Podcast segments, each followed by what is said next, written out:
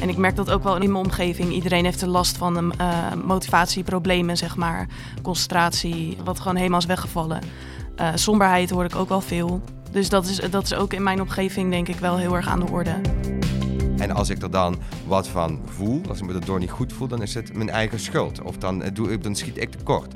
Dat beeld, dat, dat zien we vaak terugkomen. Nou ja, en normaal heb je die prestatiedruk al, maar dan heb je in ieder geval elkaar. Maar dat valt nu dus ook nog eens een keer weg. Het is ook heel normaal en heel begrijpelijk dat je je somber voelt of eenzaam voelt. Want de tijd waarin we nu zitten, dat is een absurde tijd. Welkom bij Studio Talks, de podcastserie voor en met studenten geneeskunde.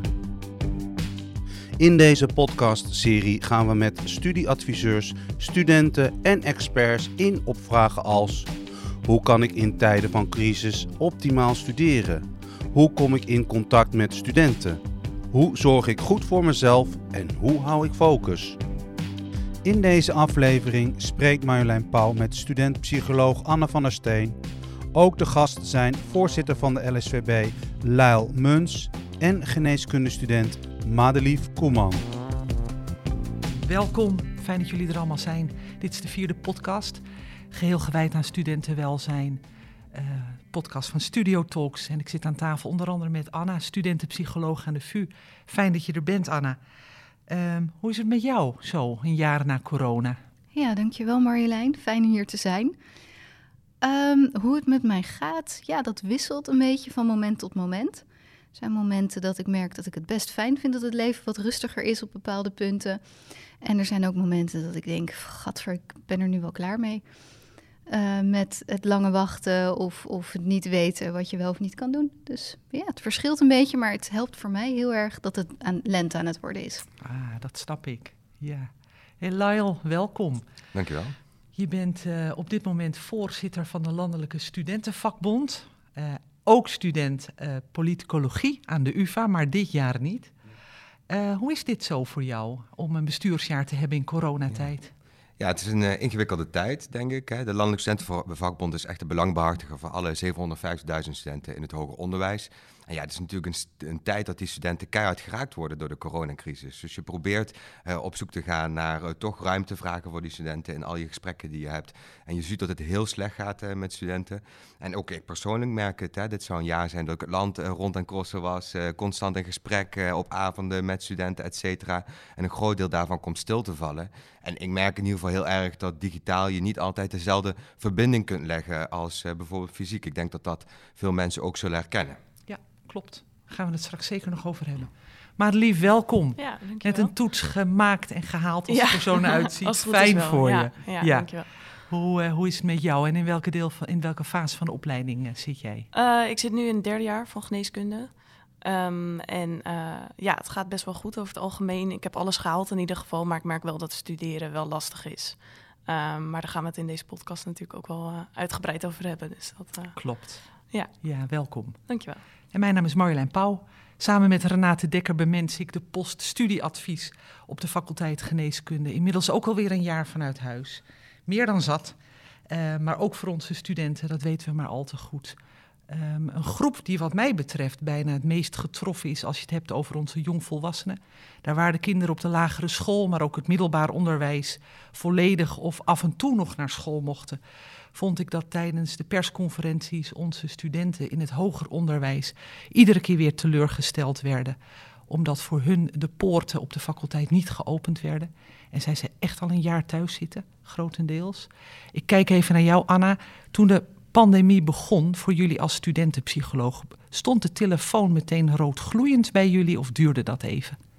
Nee, ja, grappig genoeg uh, merkten wij in het begin echt een afname van klachten omdat de studenten die wij toen zagen, die, uh, uh, nou ja, die worstelden bijvoorbeeld ook met stress. En in het begin werd studie in één keer bij die overgang op dat punt wel plotseling een stukje rustiger.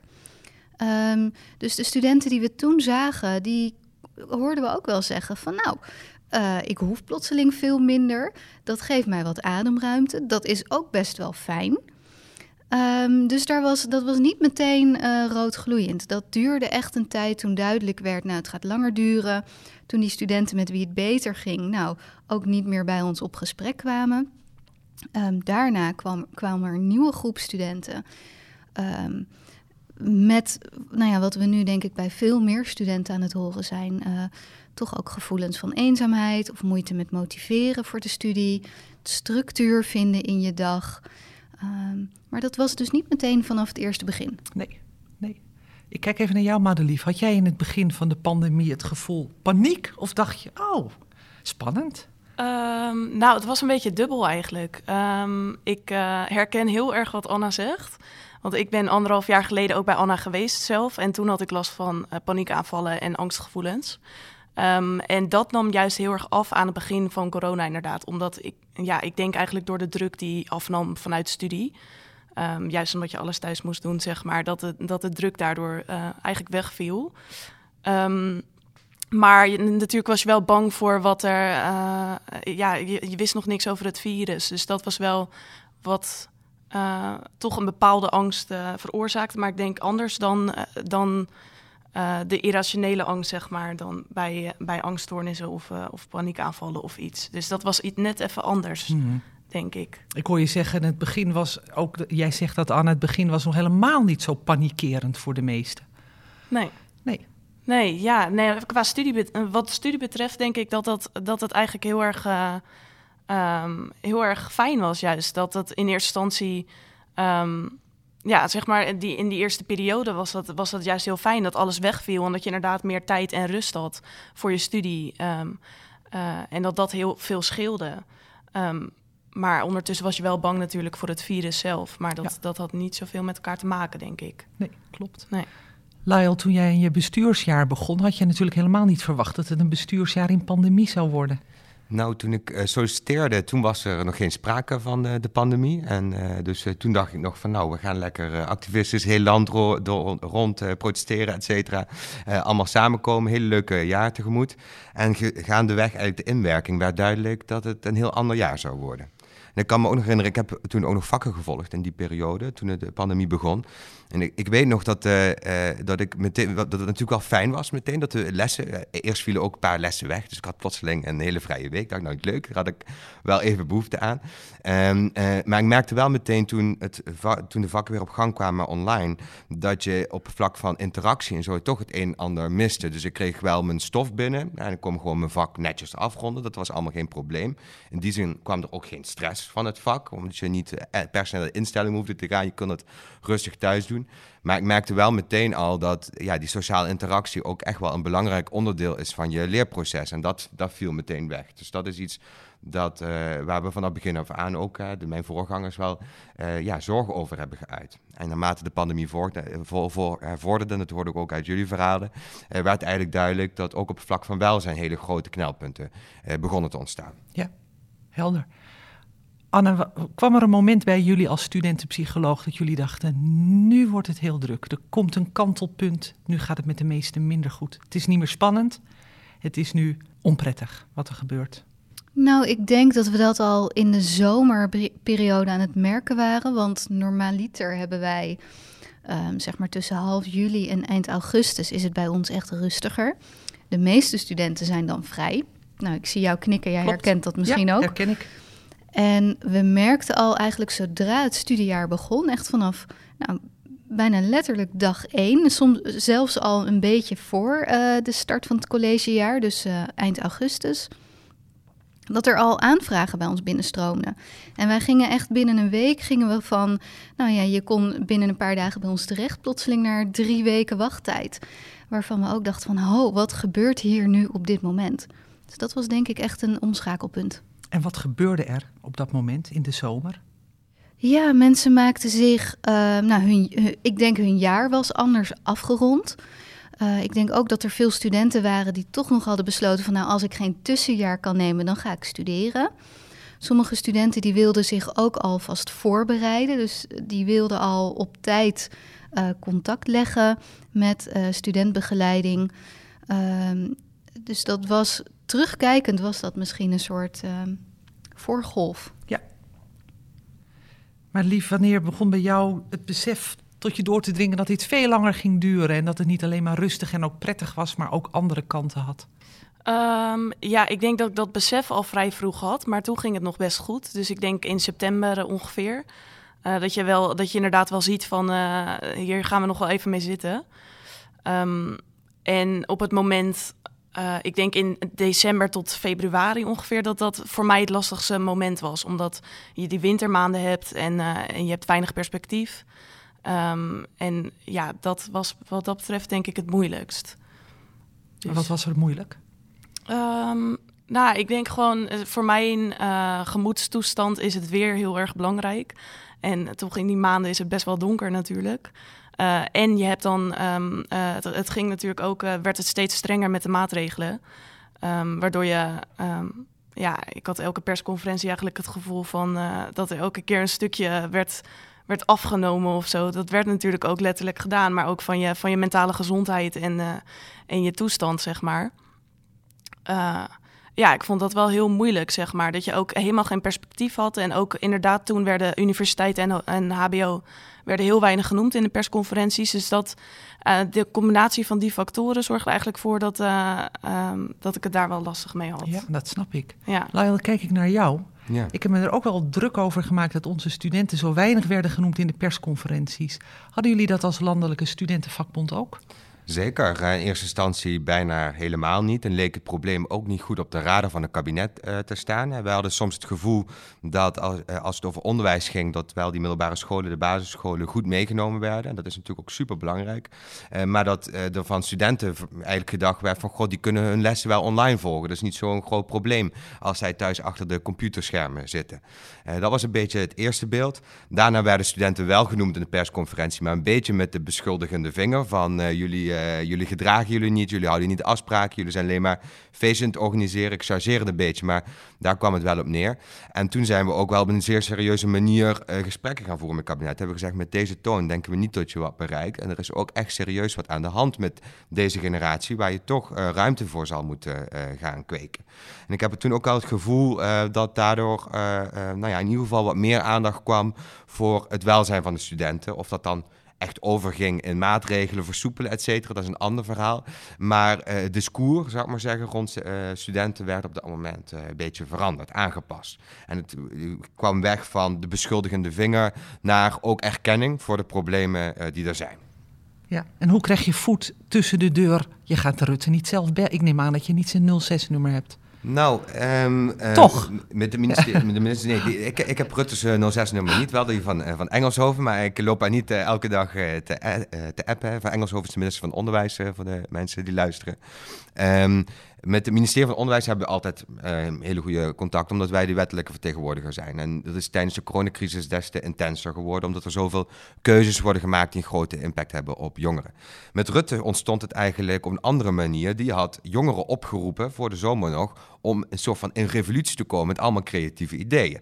Nou, toen zijn we met een aantal jongere organisaties samen naar het Katshuis gegaan. Hebben allerlei creatieve oplossingen en ideeën op de tafel gelegd.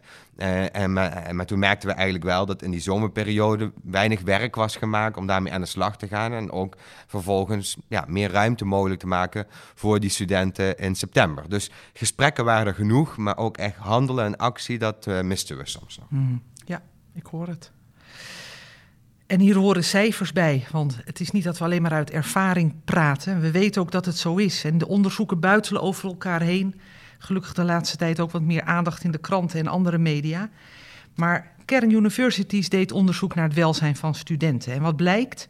Ruim 27% verwacht studievertraging op te lopen. Ruim 43% geeft aan dat online lesvolgen een negatief effect op de studie heeft. 56% geeft aan zich slechter te kunnen concentreren. 50% is eenzamer. 44% is somberder. En het percentage studenten met matig tot ernstig depressieve klachten is 10% hoger dan voor de pandemie. Maar lief, ik kijk nu even naar jou, want dit gaat over jouw groep, jouw groep medestudenten, over jullie. En dan hoor je die cijfers en denk je, dit, dit weet ik, dit klopt. Ja, dat vind ik ook. Uh, ik vind het altijd schokkend om dat soort dingen te lezen. En uh, ik vind het wel fijn dat er de laatste tijd steeds meer aandacht komt, inderdaad, voor, uh, voor deze problematiek. Um, Maar het zijn inderdaad wel hele hoge percentages. En ik merk dat ook wel in, mijn omgeving. Iedereen heeft er last van uh, motivatieproblemen, zeg maar. Concentratie, die, ja, wat gewoon helemaal is weggevallen. somberheid hoor ik ook wel veel. Um, dus dat is, dat is ook in mijn omgeving denk ik wel heel erg aan de orde. Je schrikt van de cijfers, maar tegelijkertijd zeg je ik herken ze. Ja, precies. Ja, ja. ja. Maar ik vind het gewoon zonde dat zoveel studenten daar dan last van hebben. Ja. ja. Als jij die cijfers hoort, Anna, ja, we wisten dit natuurlijk wel, maar wat, wat merk je dan? Ja, ik vind dat een hele lastige vraag, omdat ik herken het.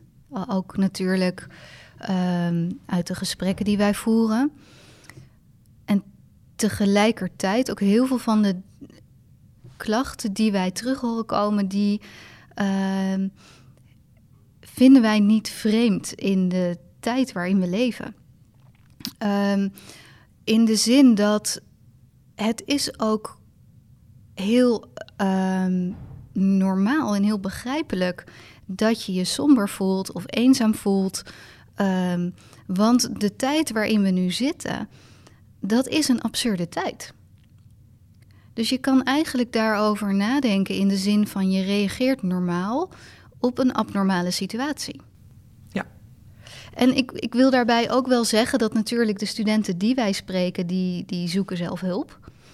Um, gelukkig horen we ook dat er echt studenten zijn met wie het gelukkig ook goed gaat. En ik zeg dit expliciet omdat um, er ook steeds meer psychologen zijn die zeggen van je moet ook benadrukken dat het ook oké is als het wel goed met je gaat. Omdat als je alleen maar hoort van oh het gaat zo zwaar of er zijn um, iedereen voelt zich somber en je voelt je goed, dan kan je op een gegeven moment ook af gaan vragen van hey, uh, ik herken dat niet bij mezelf, is er dan iets mis met mij? Dus wij herkennen aan de ene kant, nou ja, onze doelgroep is natuurlijk de student met wie het niet goed gaat. Gelukkig is eigenlijk elke reactie waarop of hoe het nu met jou gaat, alles kan. -hmm. Ik hoor je zeggen, die cijfers zijn hoog, maar dat is helemaal niet vreemd. En in het vorige gesprek zei je ook, we moeten het woord rouw vooral niet vergeten in deze. Want we zitten eigenlijk met elkaar in een, in een periode van rouw. Iedereen beleeft dit. Of ze delen met elkaar zijn tweede, komen we later op terug. Maar wat jij zegt is, de cijfers kloppen. Maar het is heel normaal om onderdeel van deze cijfers te zijn. Want in die tijd zitten we met elkaar. Ja, ja snap ik. Wat gebeurde er bij jullie, Lyle, toen uh, de pandemie wat langer duurde? Herken jij de verhalen die hier nu genoemd worden ook bij jullie? Zeker, dus we krijgen echt heel veel uh, mails, uh, berichten. We hebben een studentenlijn met een telefoonnummer, et cetera, van duizenden, duizenden studenten door het land die zich ontzettend veel zorgen maken. Nou, een beetje over kwaliteit van het onderwijs, maar met name over hun eigen welzijn. En dan komen inderdaad, die eenzaamheid komt heel vaak naar voren, de sombere gevoelens komen heel vaak naar voren.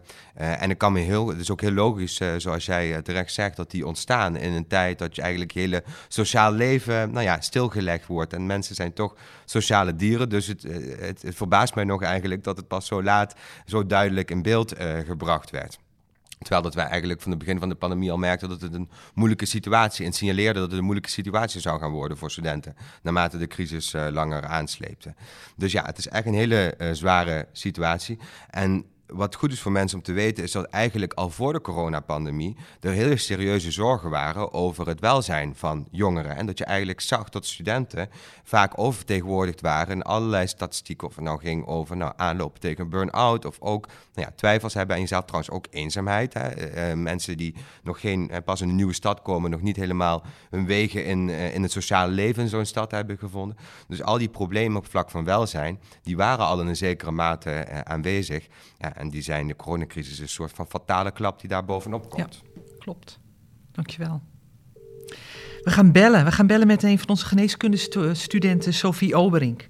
Sophie is een ontzettend leuk initiatief gestart waarbij ze in de middag een lunch Zoom-meeting organiseert met medestudenten.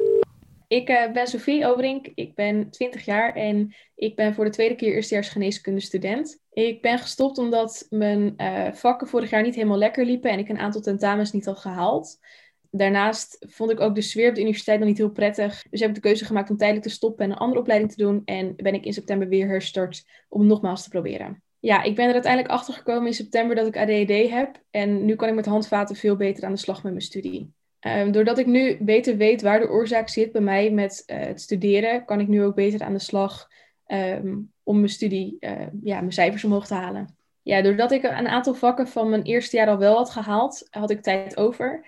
En uh, toen ben ik met vriendinnen gewoon gaan bellen tijdens Zoom-meetings. En dit is uiteindelijk uitgegroeid naar dat uh, andere geneeskundestudenten of andere mensen van andere studies konden aanschuiven. En we gewoon gezellig met z'n allen tussen de middag online zaten te lunchen. Ja, tijdens deze lunchmeetings had, mochten we het eigenlijk over alles nog wat hebben. Het begon met een klein gesprek van hoe is het? En dat groeide vaak al een uit naar een gesprek over de universiteit of over studeren of vrienden of relaties. Over alles wat je normaal gesproken ook zou bespreken. Mensen werden geforceerd om even echt te gaan zitten voor het eten en even echt te stoppen met het studeren. Hiermee ben je ook meteen gewoon gezellig bezig en heb je een rustmoment en kan je ben dus ook meteen weer dat opladen om daarna wel weer goed te kunnen studeren. Ik denk dat het een soort evenwicht is uh, tussen hoe je je voelt en hoe je met dingen om kan gaan. Je kan wel heel vrolijk zijn en hyper de piep, maar je moet ook nog uh, je dagelijkse werk kunnen doen. Um, en ik denk dat uh, bijvoorbeeld rust en gezelligheid daar een heel belangrijke factor voor is. Um, maar ook vooral het bewustzijn van je mentale welzijn. Ik denk dat vooral heel belangrijk is dat je er met vrienden over praat. Ik merk bij mijn vrienden om mij heen dat um, nu in coronatijd het wel moeilijk is. maar door het erover te hebben met elkaar, wordt het wel beter. En ben je niet meer alleen in je mentale problematiek, mocht je dat hebben. Ja, ik denk dat als je erover kan praten uh, met iemand over hoe je je voelt of wat er gaande is, uh, dat je daarmee ook uh, andere inzichten vindt in hoe iets nou loopt of hoe je je voelt. En dat iemand ook met jou mee kan denken en kan kijken naar oplossingen of misschien andere tips die je kan uitproberen voor studeren of misschien klusjes die je maar niet gedaan krijgt. neem vooral ook tijd voor jezelf. zeker in deze coronatijd is het makkelijk om van s ochtends vroeg tot s avonds laat maar achter je laptop te gaan zitten. Maar neem iedere dag even minimaal een half uurtje de tijd voor jezelf. En als je nou echt klusjes moet doen, maak ze dan klein. Geef jezelf vijf minuten om een klus te doen. Vind je het dan nog steeds prima? Ga er dan mee door. Zo niet, stop er dan gewoon mee en probeer het morgen weer. Als je er echt niet uitkomt, ook met je sociale omgeving niet, bel dan gewoon je huisarts op. Um, die kunnen altijd advies geven. En dat is wat ik zelf ook wel eerder heb gedaan. Als we nog een vacature hebben of van studentbegeleiders, ga ik Sophie bellen, denk ik. ik ben ontzettend blij. En jij, wat jij ook hoor, Madelief, want jij bent ook zo openhartig, net als Sophie, over hoe het echt met je gaat. Ja. Wat, ja. wat, wat denk je als je dit hoort? Nou, ik uh, herkende wel heel veel dingen van Sophie. En uh, ik vind heel veel dingen die zij zegt, sluit ik me wel bij aan, zeg maar. Dus ook uh, hè, qua tips in deze tijd, denk ik. Dus dat je tijd voor jezelf moet, moet nemen en dat je er vooral veel over moet praten. Ik ben er denk ik ook vooral openhartig over, omdat dat voor mij scheelt. En omdat het voor mijn omgeving ook scheelt om, om over dit soort dingen te hebben. Dus um, ja, ik, ik denk dat het alleen maar positief is. Wat ik jou hoor zeggen is, als je over de schroom heen stapt om te delen hoe het echt met je gaat, helpt dat. Ja, ja. Dat heb je al ervaren. Ja.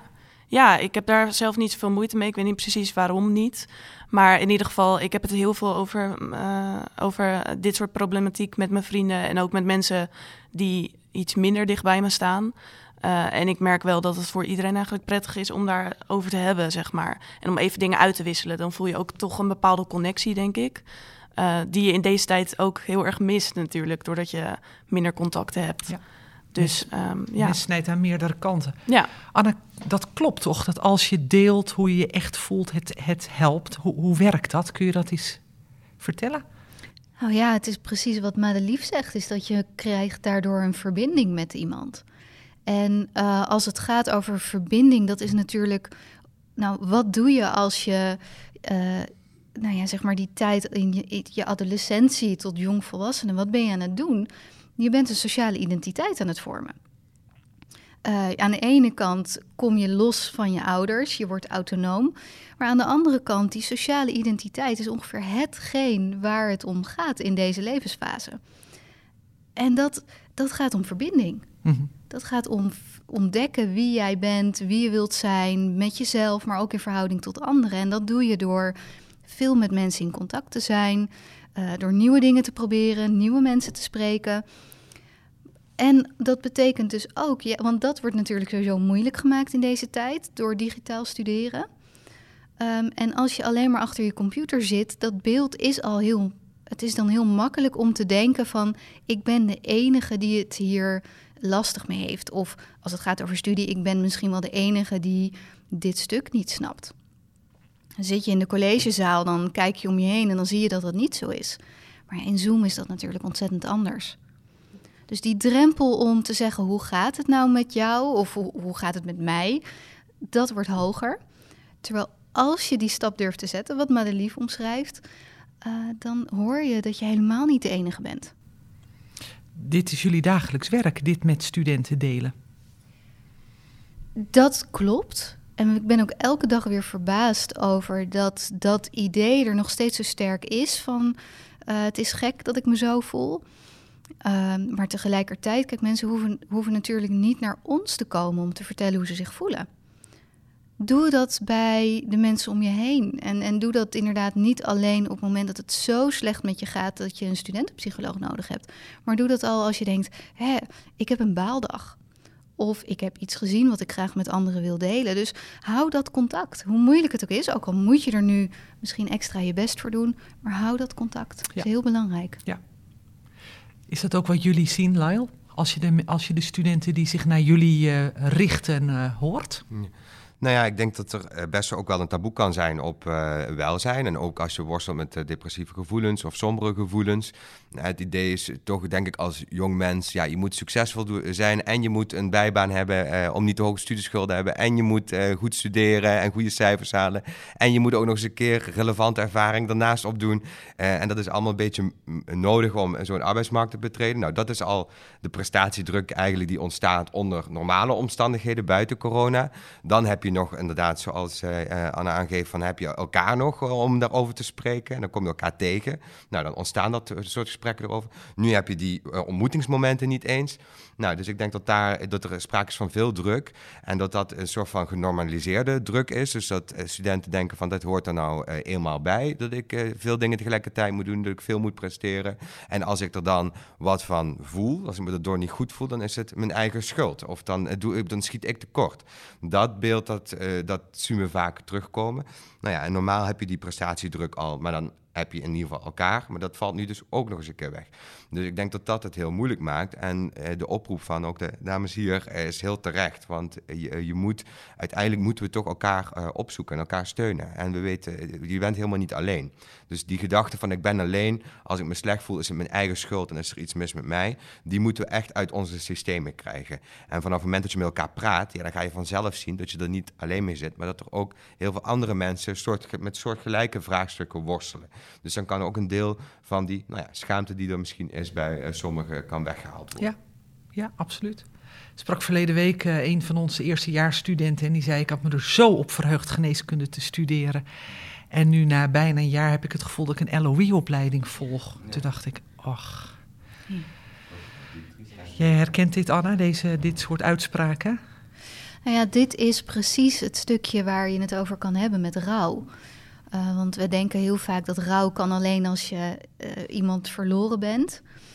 Uh, maar rouw kan ook als je je dromen kwijtraakt of je verwachtingen kwijtraakt. En dat is natuurlijk wat er nu bij heel veel studenten gebeurt.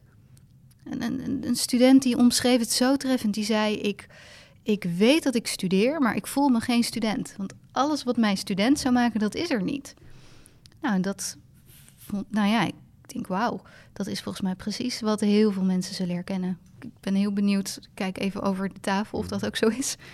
Nou ja, als jij zegt dat deze fase cruciaal is voor je identiteit. Eh, als ik denk aan identiteit, ik denk aan student zijn, dat is natuurlijk veel meer dan alleen maar naar een klaslokaal gaan en eh, de, de stof memoriseren. Het gaat ook over deelnemen aan een studentenleven. Uh, het is eigenlijk de meest spannende fase van je leven, wordt vaak gezegd. Waar je eindelijk op jezelf gaat wonen, eindelijk naar die grote stad toe. Eindelijk daar ook een beetje het nachtleven, et cetera, verkennen. En al die uh, elementen die zijn onderdeel van wat je identiteit is als student. En nu blijft eigenlijk alleen nog maar het stukje over van nou, de stof die je moet leren, maar de hele community die er omheen hangt, eh, dat valt weg. Uh, en dan kan ik me heel goed voorstellen dat mensen zoiets hebben, ja, ben ik nou überhaupt wel aan het studeren? Ik heb, uh, ik heb andere studenten horen zeggen, het is meer Netflix-onderwijs dat ik aan het volgen ben, omdat ik alleen maar achter een beeldscherm zit. Maar die community, die valt weg. Dus ik kan me dat heel goed voorstellen. Herken je dat maar lief? Ja, ja ik denk de verbinding met je studie is, is eigenlijk weg. Ehm, en uh, ja, medestudenten zijn natuurlijk ook heel erg belangrijk in je beleving van je studie. Uh, dus uh, samen naar college, samen koffie halen, maar ook gewoon met nieuwe mensen in een werkgroep zitten en, en, en daar weer kennis mee maken, zeg maar. Dat, dat gaat nu echt veel moeilijker. Dus dat, ja, eigenlijk valt de hele verbinding met, met je overige, je medestudenten, zeg maar, en, en um, met um, ja, gewoon de studie in, in, in het algemeen valt gewoon helemaal weg. Het is inderdaad alleen de stof wat overblijft. Ja. Anne, wat, wat zeg jij tegen studenten die bij jullie komen en die zeggen: Ik wil dit zo graag en ik vind het ontzettend moeilijk om dat te doen? Ik zit hier op die kamer, ik voel me eenzaam en ik mis die verbinding. Ja. Nou, Waar kan je mee beginnen? Nou, ga je kamer uit. Uh, het, ik, het kabinet zegt heel lang: blijf binnen. Maar wij blijven zeggen, ja, ga naar buiten. Mhm. Elke dag. Uh, ik hoop dat dit uitgezonden mag worden. Dit wordt zeker uitgezonden. um, je kan niet binnen blijven. Dat is niet gezond. En um, dus ga bewegen, ga kijken naar wat, wat je wil doen en wat nog kan. Dus je kan nog met mensen afspreken, ook als je je aan de maatregelen houdt. Ga, nou ja, wat Sophie zei is ook zo mooi. Als je met anderen afspreekt, je wordt ook geforceerd om even weg te gaan. Dus ga ofwel uh, samen een stuk lopen, of ga op afstand samen studeren, ga samen eten, maar kom in beweging. Letterlijk en figuurlijk. Letterlijk en figuurlijk, ja. En als je het heel ingewikkeld vindt om te vertellen hoe het echt met je gaat, ik kan me daar wel wat bij voorstellen. Hmm. Hoe, hoe, kan je dat, hoe kan je dat doen? Nou, je kan vragen hoe het met de ander gaat. Hm. En dan misschien komt daar wel een antwoord uit waardoor jij je al uh, wat makkelijker voelt, uh, meer op je gemak voelt om ook iets over jezelf te zeggen. Um, en als je merkt dat je het bij de een moeilijk vindt om het te zeggen, dan is er misschien iemand anders bij wie dat wel wat makkelijker gaat. Ja, snap ik. Want eigenlijk zei je het net ook al het kan ingewikkeld zijn, maar we weten dat we, en hebben we de cijfers niet eens voor nodig, dat we allemaal in hetzelfde schuitje zitten. En dat kan ook hoopgevend zijn om te weten dat uh, ook de anderen zich zo voelen. Ja. Je bent in ieder geval niet alleen. Dat is één ding dat zeker staat. Klopt, klopt. Hoe doe jij dat, Madelief? Um, ja, gewoon, je bedoelt... Uh, um, Gevoel van verbinding creëren. Ja, ja. Um, ja, nou ja, goed, inderdaad, waar we het al uh, uitvoerig over hebben gehad, uh, een beetje met elkaar praten over dit soort dingen. Dat vind ik wel belangrijk. Toch om die verbinding te, te creëren. Um, ik, uh, ik hou zelf heel erg van mensen bellen, dus dat probeer ik ook zoveel mogelijk te doen. Um, en ik moet zeggen dat ik daar wel verbeteringen in zou kunnen maken hoor. Dus uh, ik uh, zou nog iets meer moeite kunnen stoppen in het, uh, in het ontmoeten van mensen op een veilige manier. Bijvoorbeeld mijn vrienden van universiteit heb ik echt al best wel lang niet gezien. Ik denk dat ik daar iets meer moeite in zou mogen steken. Um, maar goed, ik heb daarnaast wel bijvoorbeeld de afspraak met mijn beste vriendin dat wij elke zondag afspreken en even koffie gaan drinken en gaan wandelen. Het is iets heel kleins, maar het geeft wel ook uh, vooruitzicht, zeg maar. Dat is ook wel belangrijk, denk ik. Dus uh, ja, wat, wat houvast betreft en, en, en verbinding met elkaar, um, denk ik inderdaad dat uh, Anna hele goede tips heeft gegeven. Dat je toch op een veilige manier elkaar zou moeten kunnen ontmoeten. Ja, dankjewel. Lyle. Zijn er vanuit jou of vanuit de Landelijke Studentenvakbond nog suggesties voor ons? Uh, nou, uh, ik zou zeggen, ook uh, spreek altijd de politiek aan om ervoor te zorgen dat er voldoende ruimte is. Maar dat is een hele grote opgave, denk ik, voor veel jongeren. Bij mijzelf ook herken ik wel heel erg van ga naar buiten. Ik had op het begin van de coronacrisis was alles plots online en dan ging ik ja, maar met iedereen bellen en uh, uh, achter het beeldscherm meeten. Op een gegeven moment werd me dat echt te veel. En toen ben ik mensen gaan vragen, nou zullen we dan maar even in het uh, park in Amsterdam samen wandeling maken? Of dan ehm, met de bezoekersregeling afgenomen met één iemand op bezoek. Toch kijken, er is nog ruimte. Het is niet zo dat alles verboden is. Dus binnen die ruimte toch ook na verloop van tijd kijken hoe je mensen elkaar op een veilige manier fysiek kunnen ontmoeten. Voor mij heeft dat wel een enorme meerwaarde gehad. En ja, nu breekt gelukkig de lente aan, de zomer. Uh, en dat helpt ook wel enorm uh, met het naar buiten gaan en niet te koud hebben als je dat doet. Dankjewel. Het mag duidelijk zijn, en we hebben de cijfers nauwelijks nodig, hoewel ze wel even genoemd zijn, dat het mentaal welzijn van studenten ontzettend onder druk staat. Maar dat er ook nog steeds mogelijkheden zijn, hebben we hopelijk ook laten horen. Wat we hebben uh, laten horen, hoop ik ook met dank aan Madelief en Sophie ook, voor jullie openhartigheid, is dat deze gevoelens van eenzaamheid en alleen zijn en het missen van verbinding helemaal niet vreemd zijn. En Anne, jij zei het al zo mooi, eigenlijk zitten we met z'n allen collectief in de rouw. En we gaan er ook met z'n allen collectief weer uitkomen. Want niet alleen wordt het beter weer, ook deze pandemie zal een keer stoppen. Um, maar tot het zover is, want er gaat nog wel wat uh, adem van ons gevraagd worden. Blijf elkaar ontmoeten. Blijf je uitspreken over hoe je je voelt. En voel je ook, als je degene uh, bent die naast iemand woont waarvan je denkt dat hij het lastig hebt, voel je ook aangesproken om niet alleen hoe is het goed voor lief te nemen, maar ook even iets verder te vragen dan dat. En uh, voel ik toch de behoefte om onze jongvolwassen studenten um, echt te vertellen dat ik vind dat ze het fantastisch doen.